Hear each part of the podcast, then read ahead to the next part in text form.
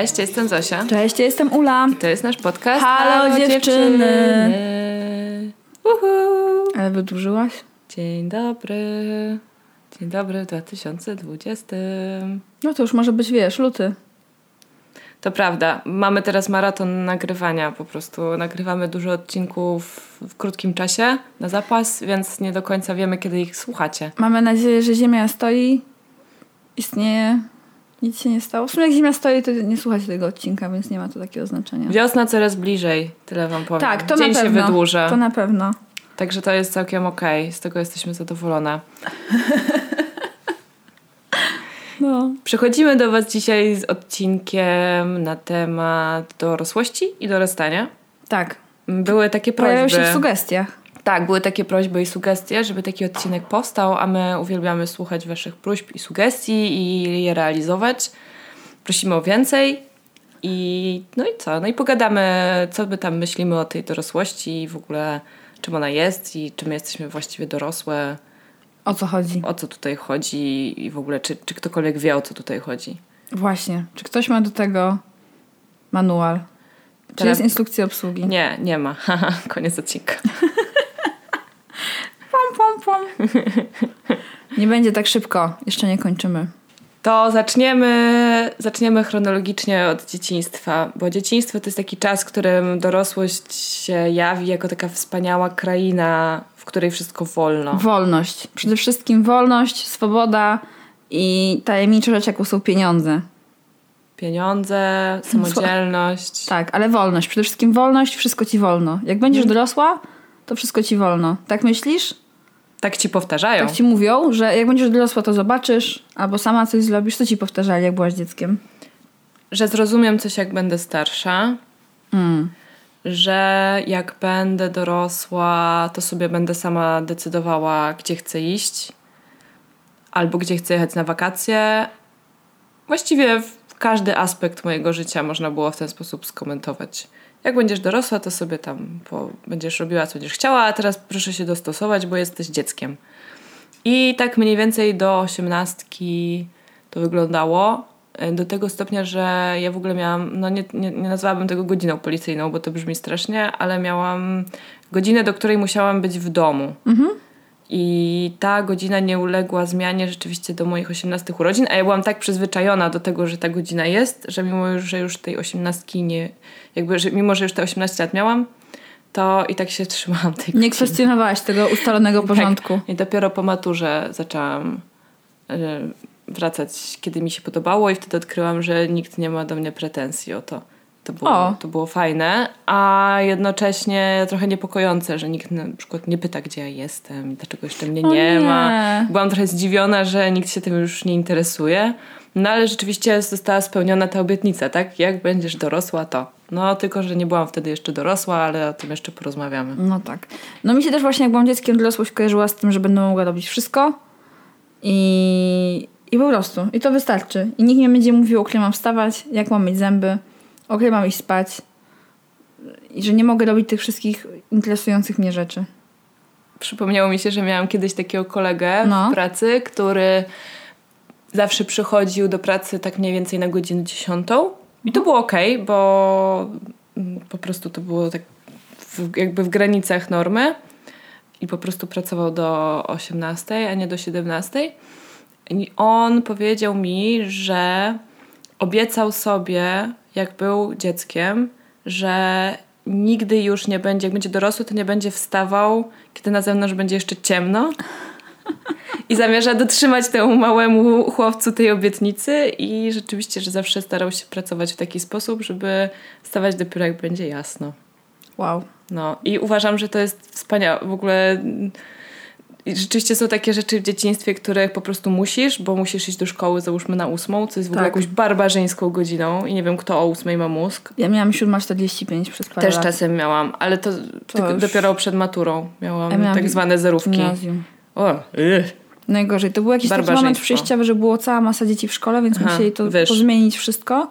Wiesz, to nie wiem, czy to nie połączyli podstawówki z gimnazjum, z czymś, no nieważne jakby, ale to było, ogłosili to bardzo, z bardzo krótkim wyprzedzeniem. Ja się popłakałam, jak to usłyszałam. Mhm. Nie Dla mnie ósma to już był koszmar. Ja bym się teraz popłakała, gdyby ktoś mi coś takiego powiedział, że od teraz mam przychodzić do pracy na 7.45. Moja mama przychodzi do pracy od 30 par lat na siódmą codziennie i dla mnie to zawsze było nierealne. Zawsze jakby, wiesz, najbliższy mi dorosły miał pracę na siódmą, a moja babcia na siódmą trzydzieści. I Ja w ogóle tego jakby nie rozumiałam i szczerze ja do tej pory nie mogłam mieć pracy na siódmą rano, po prostu ja bym nie funkcjonowała. Umarłabym. Nie wycieńczenia pewnie. Nie umarłabyś, ale na pewno byłoby ci strasznie, strasznie ciężko się jakoś w tym odnaleźć. Myślę, że bo znam ludzi, którzy zaczynają pracę dużo wcześniej i bardzo sobie cenią to, że oni są bardzo wcześnie też wolni i mają jeszcze całą masę No. dnia, żeby zrobić różne rzeczy. I domyślam się, że jeśli na przykład masz dzieci, to jest bardzo fajnie móc wcześniej wyjść i jeszcze z nimi spędzić popołudnie, zrobić coś jeszcze razem. No właśnie, dzieci. No bo to się mówi, że zasadzić drzewo, spłodzić dziecko, wybudować dom. Tak, No. że to jesteś, jak jesteś już stary, to to To osiągnąłeś się wszystko w życiu. mówi. No to rozumiem, ale ja myślę, że w XXI wieku można było też mówić kobietom, żony rodzą dzieci i domy też pewnie potrafią budować. I nie wiem, to było, zawsze mnie to było coś, co mnie strasznie martwiło. Jakby w ogóle, jak byłam dzieckiem, to te trzy rzeczy wydawały mi się być bardzo nieatrakcyjne. Mm, A z drugiej strony miałam tak, że jak dorastałam, to miałam jakąś wizję tego, że e, do 25 roku życia będę matką dwójki dzieci, czy przynajmniej Tak. jednego dziecka, że coś tam, wiesz, te życie sobie układałam w jakiś kompletnie wyimaginowany, idiotyczny sposób, jak się potem okazało. Bardzo tak arbitralnie przywiązując się do pewnych dat i właśnie do pewnych, w dużym cudzysłowie, osiągnięć, czy bardziej punktów milowych, mhm. kamieni milowych. I no i potem to się okazuje, że no nie.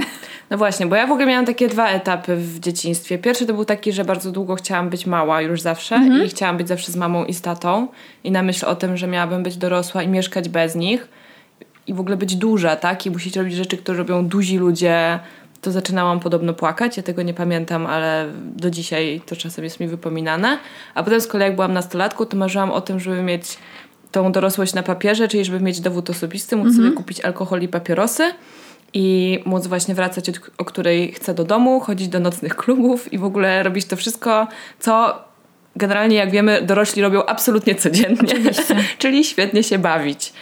Czyli świetnie się bawić i e, w którymś momencie zorientowałam się, jak miałam 15 lat i miałam przed sobą egzamin gimnazjalny, że życie się składa właściwie z takich egzaminów, tylko one po prostu różnie wyglądają i wtedy zaczęłam się tej dorosłości dosyć bać, bo zobaczyłam życie w takim totalu, właśnie w takiej, według takiej drogi, którą obserwowałam wśród większości dorosłych, których znałam, ale pewnie też po prostu nikt mi nie opowiedział swojego życia ze szczegółami. Czyli właśnie to, że zdajesz jeden egzamin, idziesz do kolejnej szkoły, zdajesz maturę, idziesz na studia, kończysz studia egzaminem, potem idziesz do pracy, od razu bęk, w ogóle tam nie ma nic pomiędzy. I jak idziesz do pracy, to po jakimś czasie znajdujesz męża i, i potem masz dzieci i potem pracujesz dalej, a potem masz wnuki, a potem umierasz. I po prostu życie pełne prób, egzaminów i kolejnych takich poprzeczek do przeskoczenia i strasznie mi się to nie podobało. To w ogóle starałam się jak najrzadziej o tym myśleć, że to wszystko trzeba zrobić. Bardzo słusznie, bo jest to zdecydowanie przynosi lęki. Przynosi lęki i w ogóle nie powinno się w takim totalu na życie patrzeć. E, szczególnie, że wtedy jeszcze absolutnie nie wiedziałam, że życie nie ma jednej drogi, według której trzeba swoje życie potoczyć, że tak droga uznana za taką normalną, w cudzysłowie, czyli właśnie taka, nie wiem, konserwatywno tradycyjna, uznana przez większość społeczeństwa za sensowną, nie jest dla wszystkich. Nie każdy w ogóle musi na taką drogę wchodzić. Tak. Można różnych szkół nie pokończyć, można pracować na masę różnych sposobów, można nie mieć dzieci, można mieszkać w innym kraju, można mieszkać co miesiąc w innym kraju. Tak naprawdę Mamy całą masę możliwości. jest bardzo dużo scenariuszy, Tak. może, które sami możemy sobie napisać. Tak.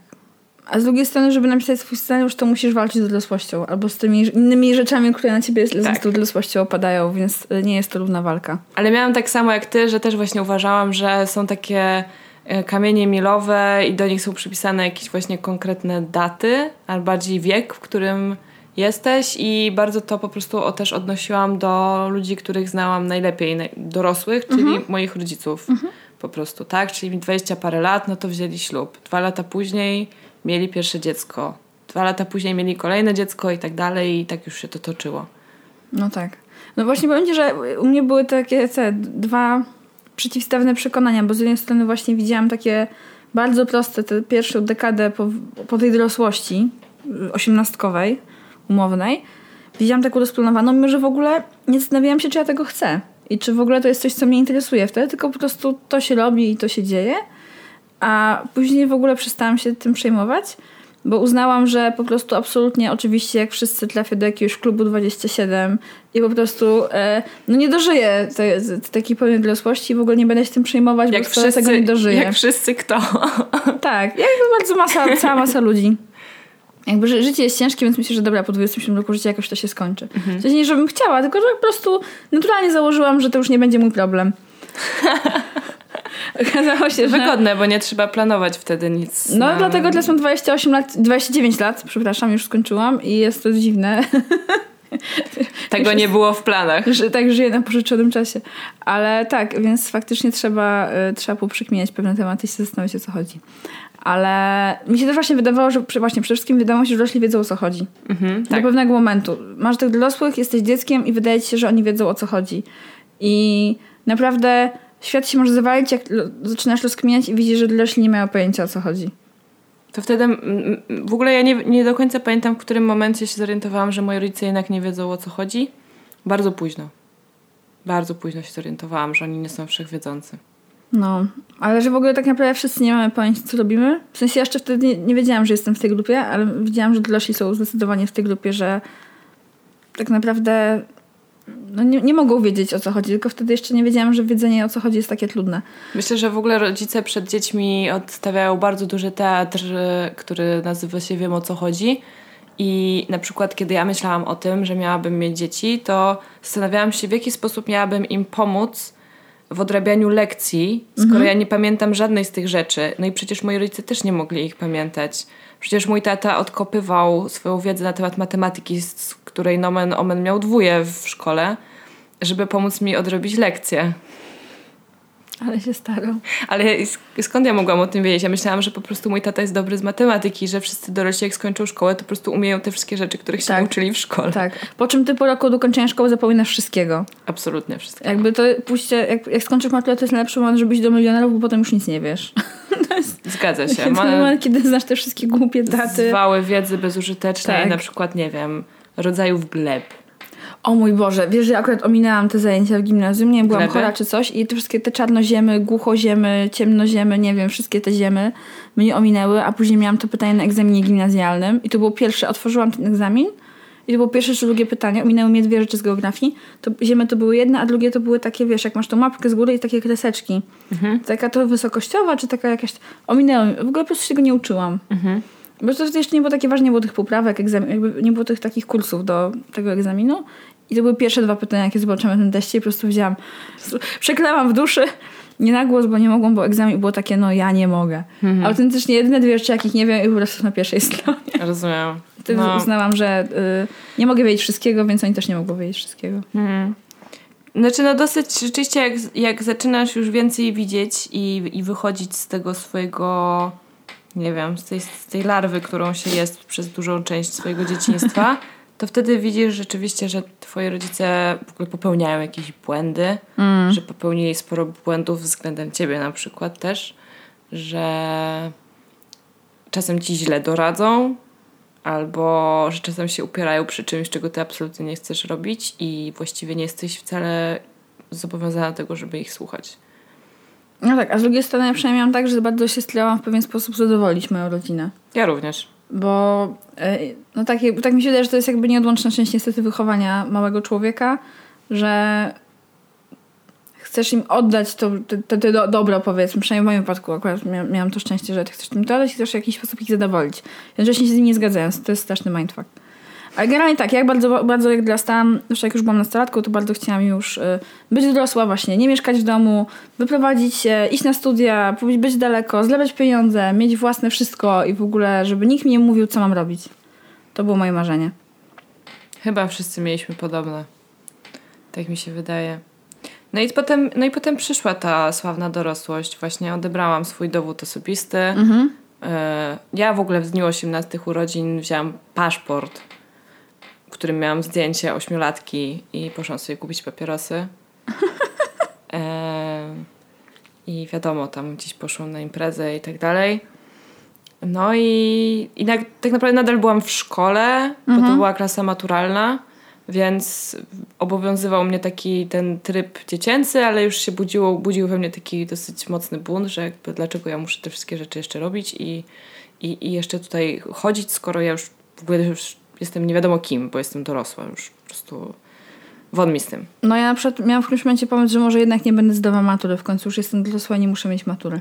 Wow. To był tak ciężki dla mnie okres, że naprawdę Mhm. miałam, autentycznie myślałam, sprawdzałam jak można już nie zdawać matury, kiedy już się zdeklarujesz w styczniu, co chcesz zdawać, Mhm. to w lutym sprawdzałam i w marcu jak mogę już tego nie robić. Niesamowite. To nie, to mi na przykład to nie przyszło do głowy. To był taki absolutnie punkt do odhaczenia na liście rzeczy do zrobienia w życiu. Ani przez myśl mi nigdy nie przeszło, że można nie zdać matury. No.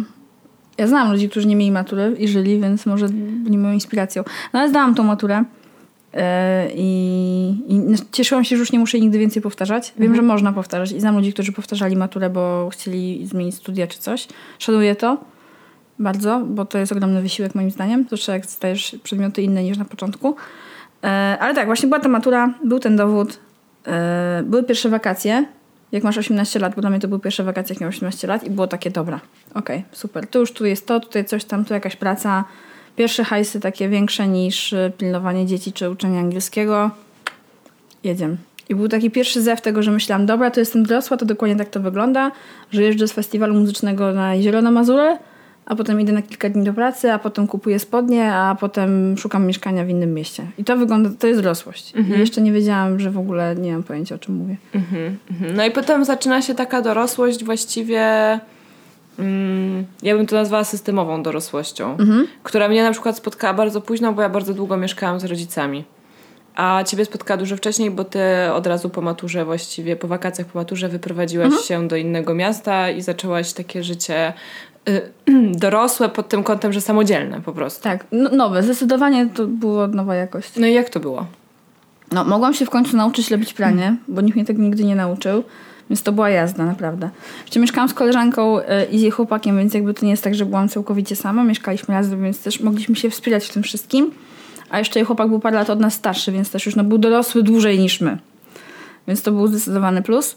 E, mogłam w końcu robić pierwsze próby gotowania. To był koszmar w tamtym mieszkaniu, ale e, jakoś to się udawało. Na wszystkim byłam super, super turbo zajarana. No bo jeszcze byłam w nowym mieście, więc mogłam, wiesz, łazić. Okej, zaczynały się studia.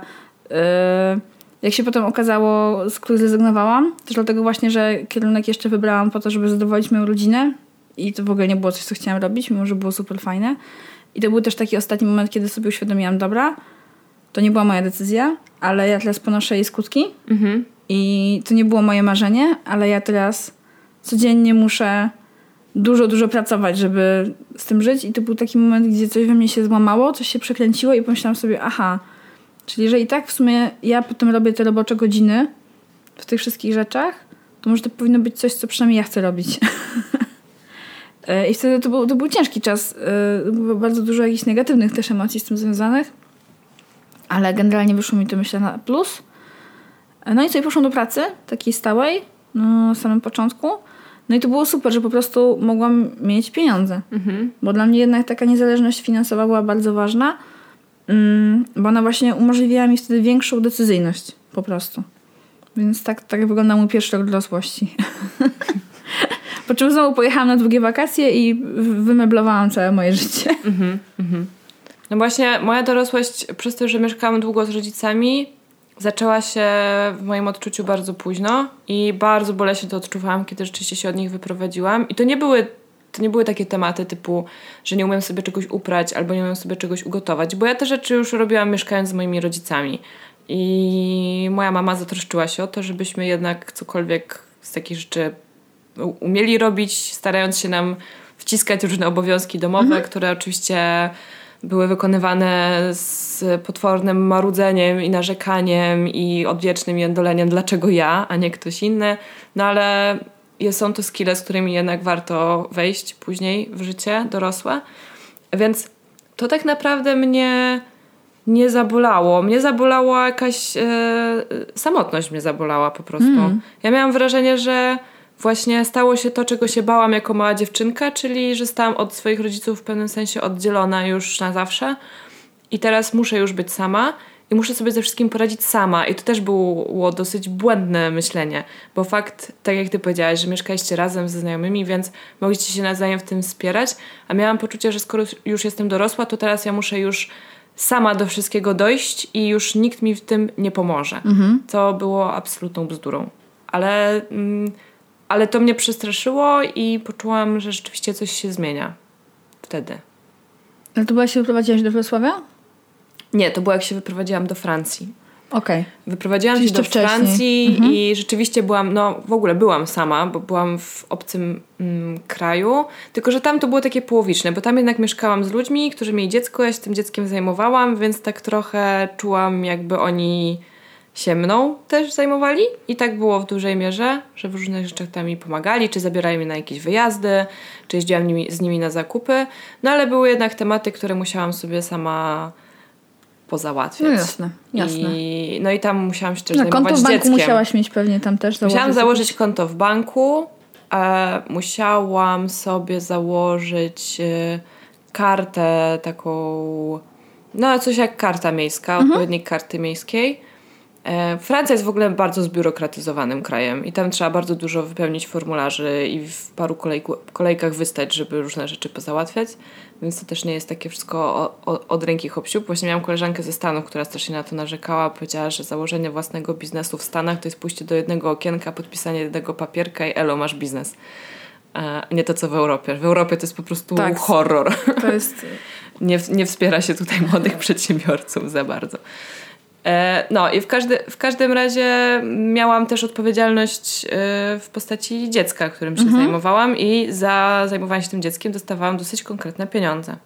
Więc to, to było też taki... To dużo odpowiedzialności. To było dużo odpowiedzialności, a chyba wy- wydaje mi się, że przez to, że byłam bardzo młoda, bo miałam 20 lat, to nie czułam, że opieka nad cudzym dzieckiem jest jakąś potworną odpowiedzialnością.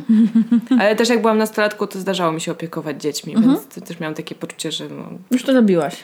E, No i opiekowanie się dzieckiem na pełen etat jest czymś zupełnie innym, oczywiście, i dużo bardziej męczącym i trudniejszym. No ale też nie była taka kompletnie nieznana ziemia. Ale potem drugi raz rzeczywiście był, kiedy wyjechałam do Wrocławia. I tam mieszkałam przez trzy miesiące i tam sama pojechałam najpierw w ogóle wynająć mieszkanie. Pierwszy raz w swoim życiu wynająć mieszkanie. I moi współlokatorzy byli w ciężkim szoku, że ja nigdy wcześniej nie wynajmowałam mieszkania. Ale pierwsze co zrobiłam, to poszłam do łazienki i sprawdzić, czy tam jest boiler. Bo ktoś mi powiedział, żeby nie wynajmować mieszkania, w którym jest boiler. Nie było boilera, wynajęłam mieszkanie. Ja kiedyś wynajmowałam mieszkanie z boilerem, bo tak już chciałam tam mieszkać, że nawet boiler, mi nie przeszkadzał, mimo że moja mama była pewna, że umrę na wybuch. Mhm. Nie umarłam, ale faktycznie raz wyszłam ze starcia z boilerem bez kawałka rzęs i brwi. I poszłam tak do pracy, bo się spóźniłam do pracy, musiałam wziąć szybki prysznic, ten gazik zgasł, zapaliłam go szybko, ale nie dość szybko, że się nie zdążyło trochę gazu unieść, więc mi strzeliło w O twarz. matko. I osmaliło mi na szczęście tylko tę część włosów, też na górę. Miałam taką spaloną aureolkę. I pobiegłam do pracy i moi koledzy w pracy mówili, czemu śmierdzisz spalonym człowiekiem? A ja nie wiem, nic się nie stało, wszystko w porządku. No ale tak tylko już kończąc te moje wspominki, to wydaje, że właśnie ta systemowa dorosłość jest dosyć łatwa de facto do opanowania. Co, masz pracę, płacisz rachunki? Tak, masz pracę, płacisz rachunki, robisz pranie, gotujesz. To nie jest trudne, to są takie techniczne rzeczy. No A jak naprawdę już nie jesteś w stanie nauczyć się gotować i kompletnie ci to nie idzie, to znam ludzi, którzy tego nie potrafią i jakoś żyją. Może I nie płacą ży- rachunki i mają pracę. Raczej o to gotowanie mi chodziło. E, no z płaceniem rachunków i pracą, no są różne górki i dołki, Mhm. ale prędzej czy później wszyscy tam właśnie jakąś swoją drogą dochodzą. No. Ja zaczęłam wcześniej płacić rachunki, chociażby za, nie wiem, telefon czy internet. Później za całą resztę. Ale no dorosłość kurczę to jednak nie jest to płacenie rachunków. Nie, zdecydowanie nie. Jakby gdyby to było płacenie rachunków, to myślę, że świat inaczej by wyglądał. Zdecydowanie. E, ale z drugiej strony też nikt nie powiedział, że jak będę dorosła, to będę miała swój ulubiony palnik kuchenny I będę się jarała za każdym razem, kiedy zmieniam gąbkę do mycia naczyń na świeżą. Nie? To są takie małe radości związane z akurat gotowaniem w tym wypadku. Dorosłość przynosi inne radości niż dzieciństwo. No. na pewno.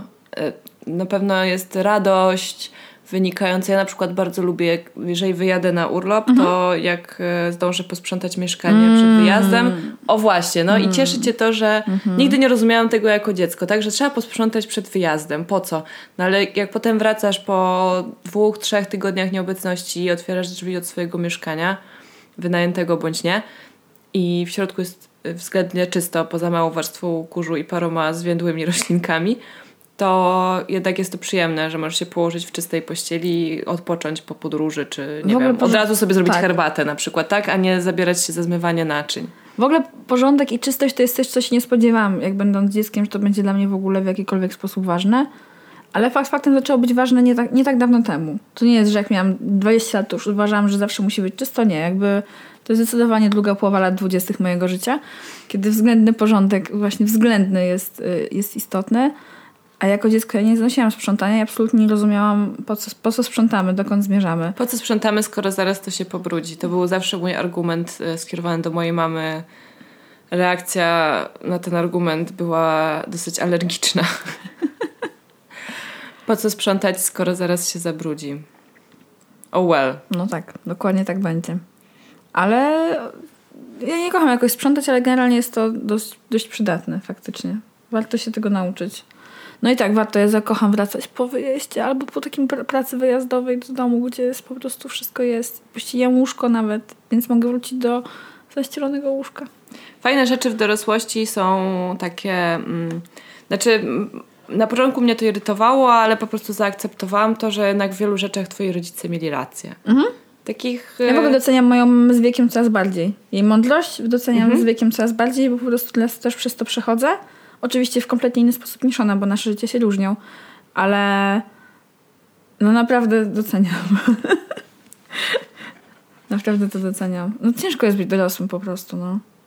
Ciężko jest być dorosłym, e, ale dlaczego ciężko jest być dorosłym? No nie tylko z powodu tych rachunków i tego sprzątania i tych technicznych rzeczy, które po jakimś czasie jednak zaczyna się robić automatycznie, miarę, miarę i one czasem są nużące i wtedy staniesz na środku pokoju z tymi rozsypanymi śmieciami i sobie myślisz, dlaczego ja chciałam być dorosła, ale są trudniejsze rzeczy w dorosłości niż, niż te śmieci. Tak. Wydaje mi się, że to jest trochę to, o czym powiedziałeś wcześniej, czyli ciągłe podejmowanie decyzji. Tak naprawdę, jak jesteś dorosła, to ciągle podejmujesz decyzje. Małe, duże, średnie, ważne, nieważne, codzienne, wyjątkowe, ale ciągle podejmujesz decyzje. Więc jeżeli jako dziecko miałaś tego mało, na przykład, mhm. to może to bardzo szybko zmęczyć i może to cię przerastać. Nawet najprostsze decyzje w którymś momencie, jeżeli jest ich tak dużo i tak są ze sobą po prostu jedna po drugiej, jedna po drugiej, to, to może po prostu doprowadzić do zmęczenia decyzyjnego. Tak, na początku są to takie może trochę prostsze, typu właśnie zorganizowanie sobie samodzielnie dnia i zaplanowanie go tak, żeby jakoś tam się wszystko w tej dobie zmieściło, ale potem są inne decyzje. Naprawdę takie już, na przykład wybór w ogóle drogi zawodowej. Ała. No, no na to ci nikt nie przygotuje. Nikt cię na to nie przygotuje. Właśnie pytanie, kto powinien i czy w ogóle powinien i czy to nie są takie rzeczy które po prostu trzeba doświadczyć na własnej skórze, bo nikt ci o tym nie jest w stanie tak do końca opowiedzieć. To raz, a mi się wydaje, że jeszcze w ogóle w dzisiejszych czasach nie jest nikt cię w stanie przygotować do bardzo dynamicznie zmieniającej się sytuacji zawodowej. To prawda. Czyli żaden program, żadna szkoła, ani żadni rodzice nawet nie są w stanie się tego przygotować. Rodzice mogą jakby przygotować się do bycia jak najlepszym człowiekiem. Mhm. I to jest super, jeżeli im się to uda. Jak najbardziej samodzielnym, myślącym, empatycznym człowiekiem ale do zawodowo to ci nigdy niczego nie przygotuje, wydaje mi się, nie w tym czasie po prostu, bo tempo, z jakimi pochłaniamy, przetwarzamy informacje jest ogromne.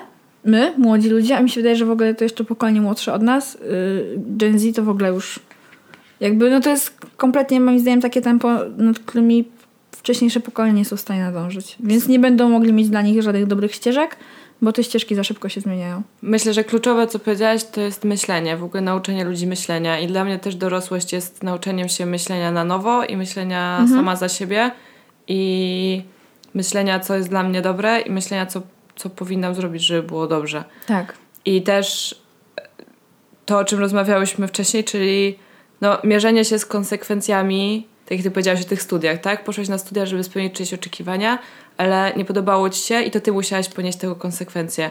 I że każda decyzja, jaką podejmujemy, podejmujemy w życiu, jest obarczona konsekwencjami i trzeba się z tym zmierzyć. Tak, no trzeba to zjeść po prostu. Trzeba to zjeść. Otóż to. Jakby masz odpowiedzialność, jak masz tą wolność, tak? Więc możesz podejmować, no w zależności oczywiście od wielu innych tam czynników zewnętrznych. Większość decyzji w swoim życiu możesz podjąć ty, większość wyborów możesz dokonać ty. Ale no one się wiążą z tym, że po prostu jak ci wyjdzie, to super, jak ci nie wyjdzie, to, no to, masz, to cię boli, no. I to ciebie boli. I to tobie jest gorzej, i to tobie jest trudniej i po prostu trzeba z tym dealować, no. I to jest oczywiście czasem łatwiejsze, czasem trudniejsze.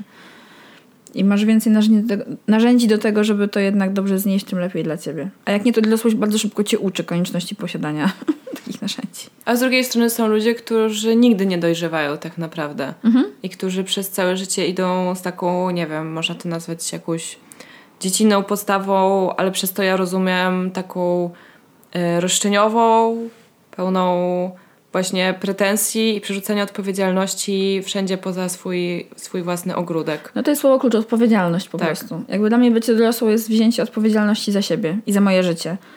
I to jest super ciężkie. Ja się cały czas tego uczę. I wiesz, to nawet może taka błaha rzecz, jak wzięcie, odpo- błaha i nie błaha, wzięcie odpowiedzialności za swoje zdrowie, że mama ci już nie zapisze do lekarza rodzinnego, a jak coś ci dolega, to ty się musisz tym zająć i ty musisz to... Akurat w moim wypadku było dużo chorób, więc po prostu miałam bardzo duże pole do popisu. Mhm. Że ty musisz tam, nie wiem, pójść, znaleźć tego lekarza, zadbać o siebie, nie wiem. Potem ty musisz pilnować tego, czy bierzesz leki, czy nie, czy robisz te rzeczy, czy nie, no po prostu, bo nikt ci już do tego nie zmusi. Zgadza się. No. Ja też z kolei mam tak, że yy, i to wydaje mi się, że może być troszkę dziecinne, ale że kiedy ktoś próbuje mi coś zarzucić, narzucić, to mhm. ja dosyć agresywnie reaguję, staram się nad tym panować. Mhm. I właśnie wydaje mi się, że to jest, ktoś mi zwrócił uwagę na to, że to jest dziecinna reakcja, czyli ja jestem dorosła, nie będziesz mi mówić, jak mam robić. Ale ja bardzo, bardzo nie lubię, kiedy ktoś próbuje przejąć nade mną kontrolę, mhm. nawet jeżeli ten ktoś nazywa to po prostu dawaniem mi dobrych rad, u które nie prosiłam. Myślę, że wtedy, jak nie prosiłeś dobrej rady, to zdecydowanie możesz zwrócić uwagę. O, ja bardzo często dostaję dobre rady, o które nie proszę. Właściwie na każdym kroku dostaję takie rady. Wow. No, to jest bardzo męczące i nieprzyjemne. Ale Zwróć wydaje mi się, uwagę, że. jeżeli ja to też robię.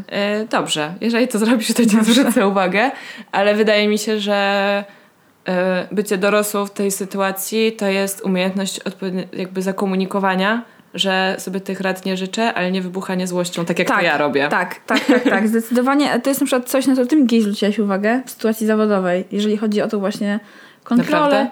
Tak. Ale nie, że ja, ja to robię tobie, tylko że ja miałam taką, y, taki problem z kimś innym właśnie, Aha. jeżeli chodzi o tą kontrolę, o to narzucanie, o ten taki... To akurat nie były dobre rady, tylko to były obowiązki zawodowe, więc też jest mhm. kompletnie inna sytuacja. E, ale ja od tamtej pory zaczęłam rozkminiać właśnie to, że czy ja mam problem z tym, że ktoś mi narzuca swoje zdanie, czy właśnie z tym, w jaki sposób to robi. Mhm. I ja też staram się teraz, jak coś odmawiam, odrzucam, to właśnie w spokojny sposób. I to jest właśnie też, to się trochę wiąże z tym, o czym rozmawiałyśmy, czyli z tymi emocjami, tak? Czyli z kontrolowaniem swoich emocji i zrozumieniem swoich emocji, skąd one się w nas pojawiają i czym są tak naprawdę i, i z czego pochodzą.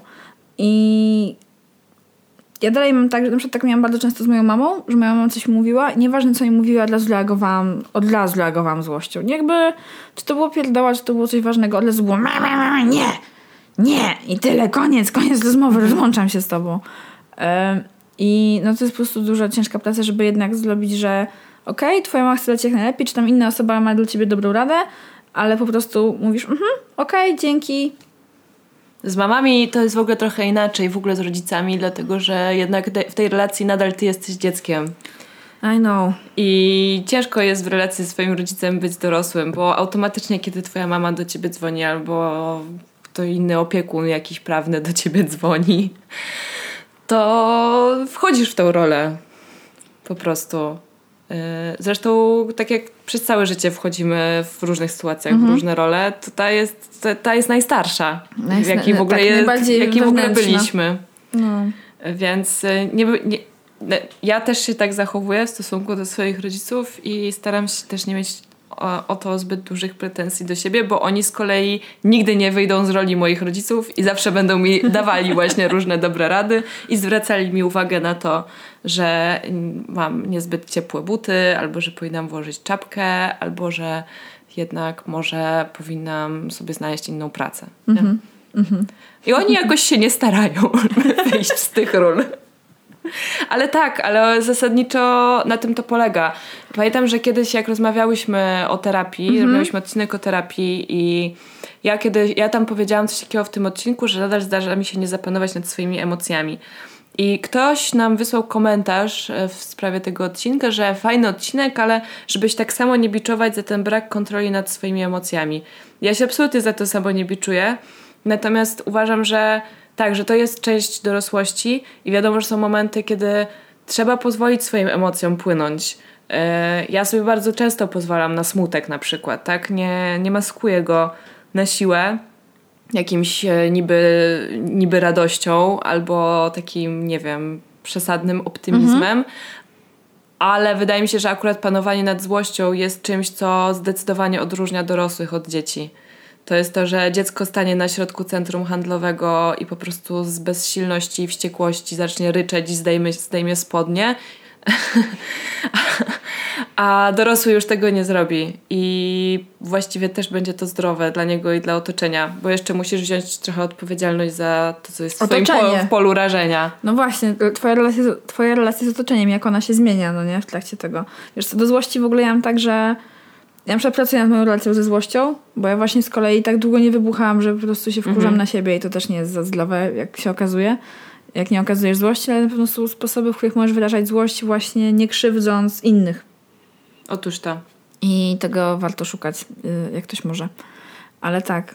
Mogę jeszcze mówić o tej czapce. Teraz cały czas mam w głowie to, że się tak wkurzam, jak byłam dzieckiem, bo musiałam nosić czapkę, żeby oczywiście nie odmarzły mi uszy, a moja mama nie nosiła czapki, jak ja byłam dzieckiem. A mi kazała nosić czapkę. Ja tak przepraszam, ale jakby nie, nie ma to sensu. E, jakby ja lubię nosić czapki, bo czapki grzeją mi zatoki i nie mam potem zapalenia zatok, ale moja teraz nosi czapki, jako jest już jakieś starszą osobą, więc w końcu posłuchała swojej własnej rady. E, ale tak, emocje. No zdecydowanie emocje moim zdaniem są tym wyznacznikiem jakiejś naszej dorosłości, ale też y, jakby pytanie, czy dorosłość oznacza, że już wszystko będziemy mieli pod kontrolą, będziemy wszystko, nie wiem, że rzeczywiście będziemy tacy dorośli? Moim zdaniem nie. Wiesz, ja wczoraj miałam taką refleksję, bo y, no, przekminiałam sobie jakieś tam rzeczy, jak nie wiem, gotowałam, haha, i nastawiałam pranie, yy, że tak naprawdę nigdy nie będzie y, finiszu. Nie? W sensie jakby ta, ta walka, ta praca, to wszystko trwa, póki nie umrzemy. Chyba. Chyba, że ja o czymś nie wiem, ale że nigdy nie będzie tak, że już będzie wszystko ok. Mhm. W sensie, to, to jest bardzo optymistyczne moim zdaniem myślenie. W sensie jakby to nie jest w ogóle dołujące ani depresyjne, tylko po prostu ciągle będzie trzeba pracować, ciągle będzie trzeba podjąć decyzję, ciągle będzie trzeba trochę wygrać, trochę przegrać i po prostu ten grind się nie skończy. A mnie dosyć pociesza to, że właśnie pamiętam jak kiedyś, bo mi się wydawało kiedyś, że okej, okay, skoro ja nie jestem dorosła, bo nie czuję się mhm. dorosła, mimo że już właśnie pracuję i płacę jakieś rachunki, to sobie wtedy wymyśliłam, że dorośli to są ludzie, którzy mają rodzinę, którzy już właśnie to przysłowiowe dziecko spłodzili mhm. i nie wiem, wzięli kredyt, załóżmy, ale potem rozmawiając z tymi ludźmi, różnymi naszymi kolegami, tudzież koleżankami w pracy, zrozumiałam, że oni też uważają, że jeszcze nie są dorośli i dla nich wyznacznikiem dorosłości to są ich rodzice czyli jeszcze następne pokolenie. I wydaje mi się, że to jest bardzo też dla mnie, tak jak kiedyś się bałam i dorosłości, i starości, to teraz raczej z zainteresowaniem patrzę na następne etapy życia, bo każdy niesie za sobą jakieś, no, jakieś ciekawe bogactwo. Mhm. I jak rozmawiam z moją babcią, na przykład to jest niesamowite, jaka ona jest, jak, jakim ona jest wolnym człowiekiem. Mhm. Ona ma 80 parę lat i ona powiedziała, dziecko, ja już jestem w ogóle poza kategorią. Na moją skórę to już nawet kremów nie ma w drogerii. I ja już się wszystkiemu wymykam. Ja już sobie mogę stać obok i w ogóle właściwie już nic, co jest narzucone, mnie nie dotyczy. I ja jako przede wszystkim jako nastolatka myślałam o starości jako o więzieniu, którym cię zamyka twoje ciało, które mhm. coraz bardziej cię zawodzi. Ale ta wolność jest w głowie i w tym, jak postrzegasz świat i w tym, jak przez niego jeszcze przez jakiś czas idziesz. Więc... Yy, myślę, że też każdy etap życia może mieć swoją dorosłość po prostu. Bardzo ładnie Tada! wypowiedziane. Wow. Jezu, złoto usta. Kurde, ale w ogóle nie próbowałaś. W Nie sensie, To nie próbowałam. było zapisane i nie czytałaś tego z kartki. Nie, Naprawdę. Ula świadkiem. No ja naprawdę ja jestem pod ogromnym wrażeniem w tym momencie. Ja mam wrażenie, że już skończyłam. Jeszcze przed kilemol.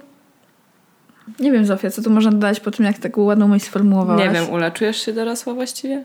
Nie bardzo. Ale to jest właśnie, ka- każdy dzień przynosi nowe nauki, no. Ale jakby, znaczy czuję się dorosła i nie czuję jednocześnie. Na pewno jestem dużo bardziej dorosła niż jeszcze byłam rok temu, dwa lata temu, trzy lata temu. I to jest po prostu proces. E, Bycie coraz bardziej dorosłą. Jakby, co z tego, że pracuję 10 lat, jak czuję się dorosła mniej niż 10. Jakby to jest, nie wiem, ale czuję się lepiej ze sobą i to jest moim zdaniem coś, co jest dla mnie jakimś atrybutem dorosłości. Jednocześnie rozumiejąc, że nie wszystko da się naprawić i nie wszystko trzeba naprawić. Mhm. To jest bardzo ważne.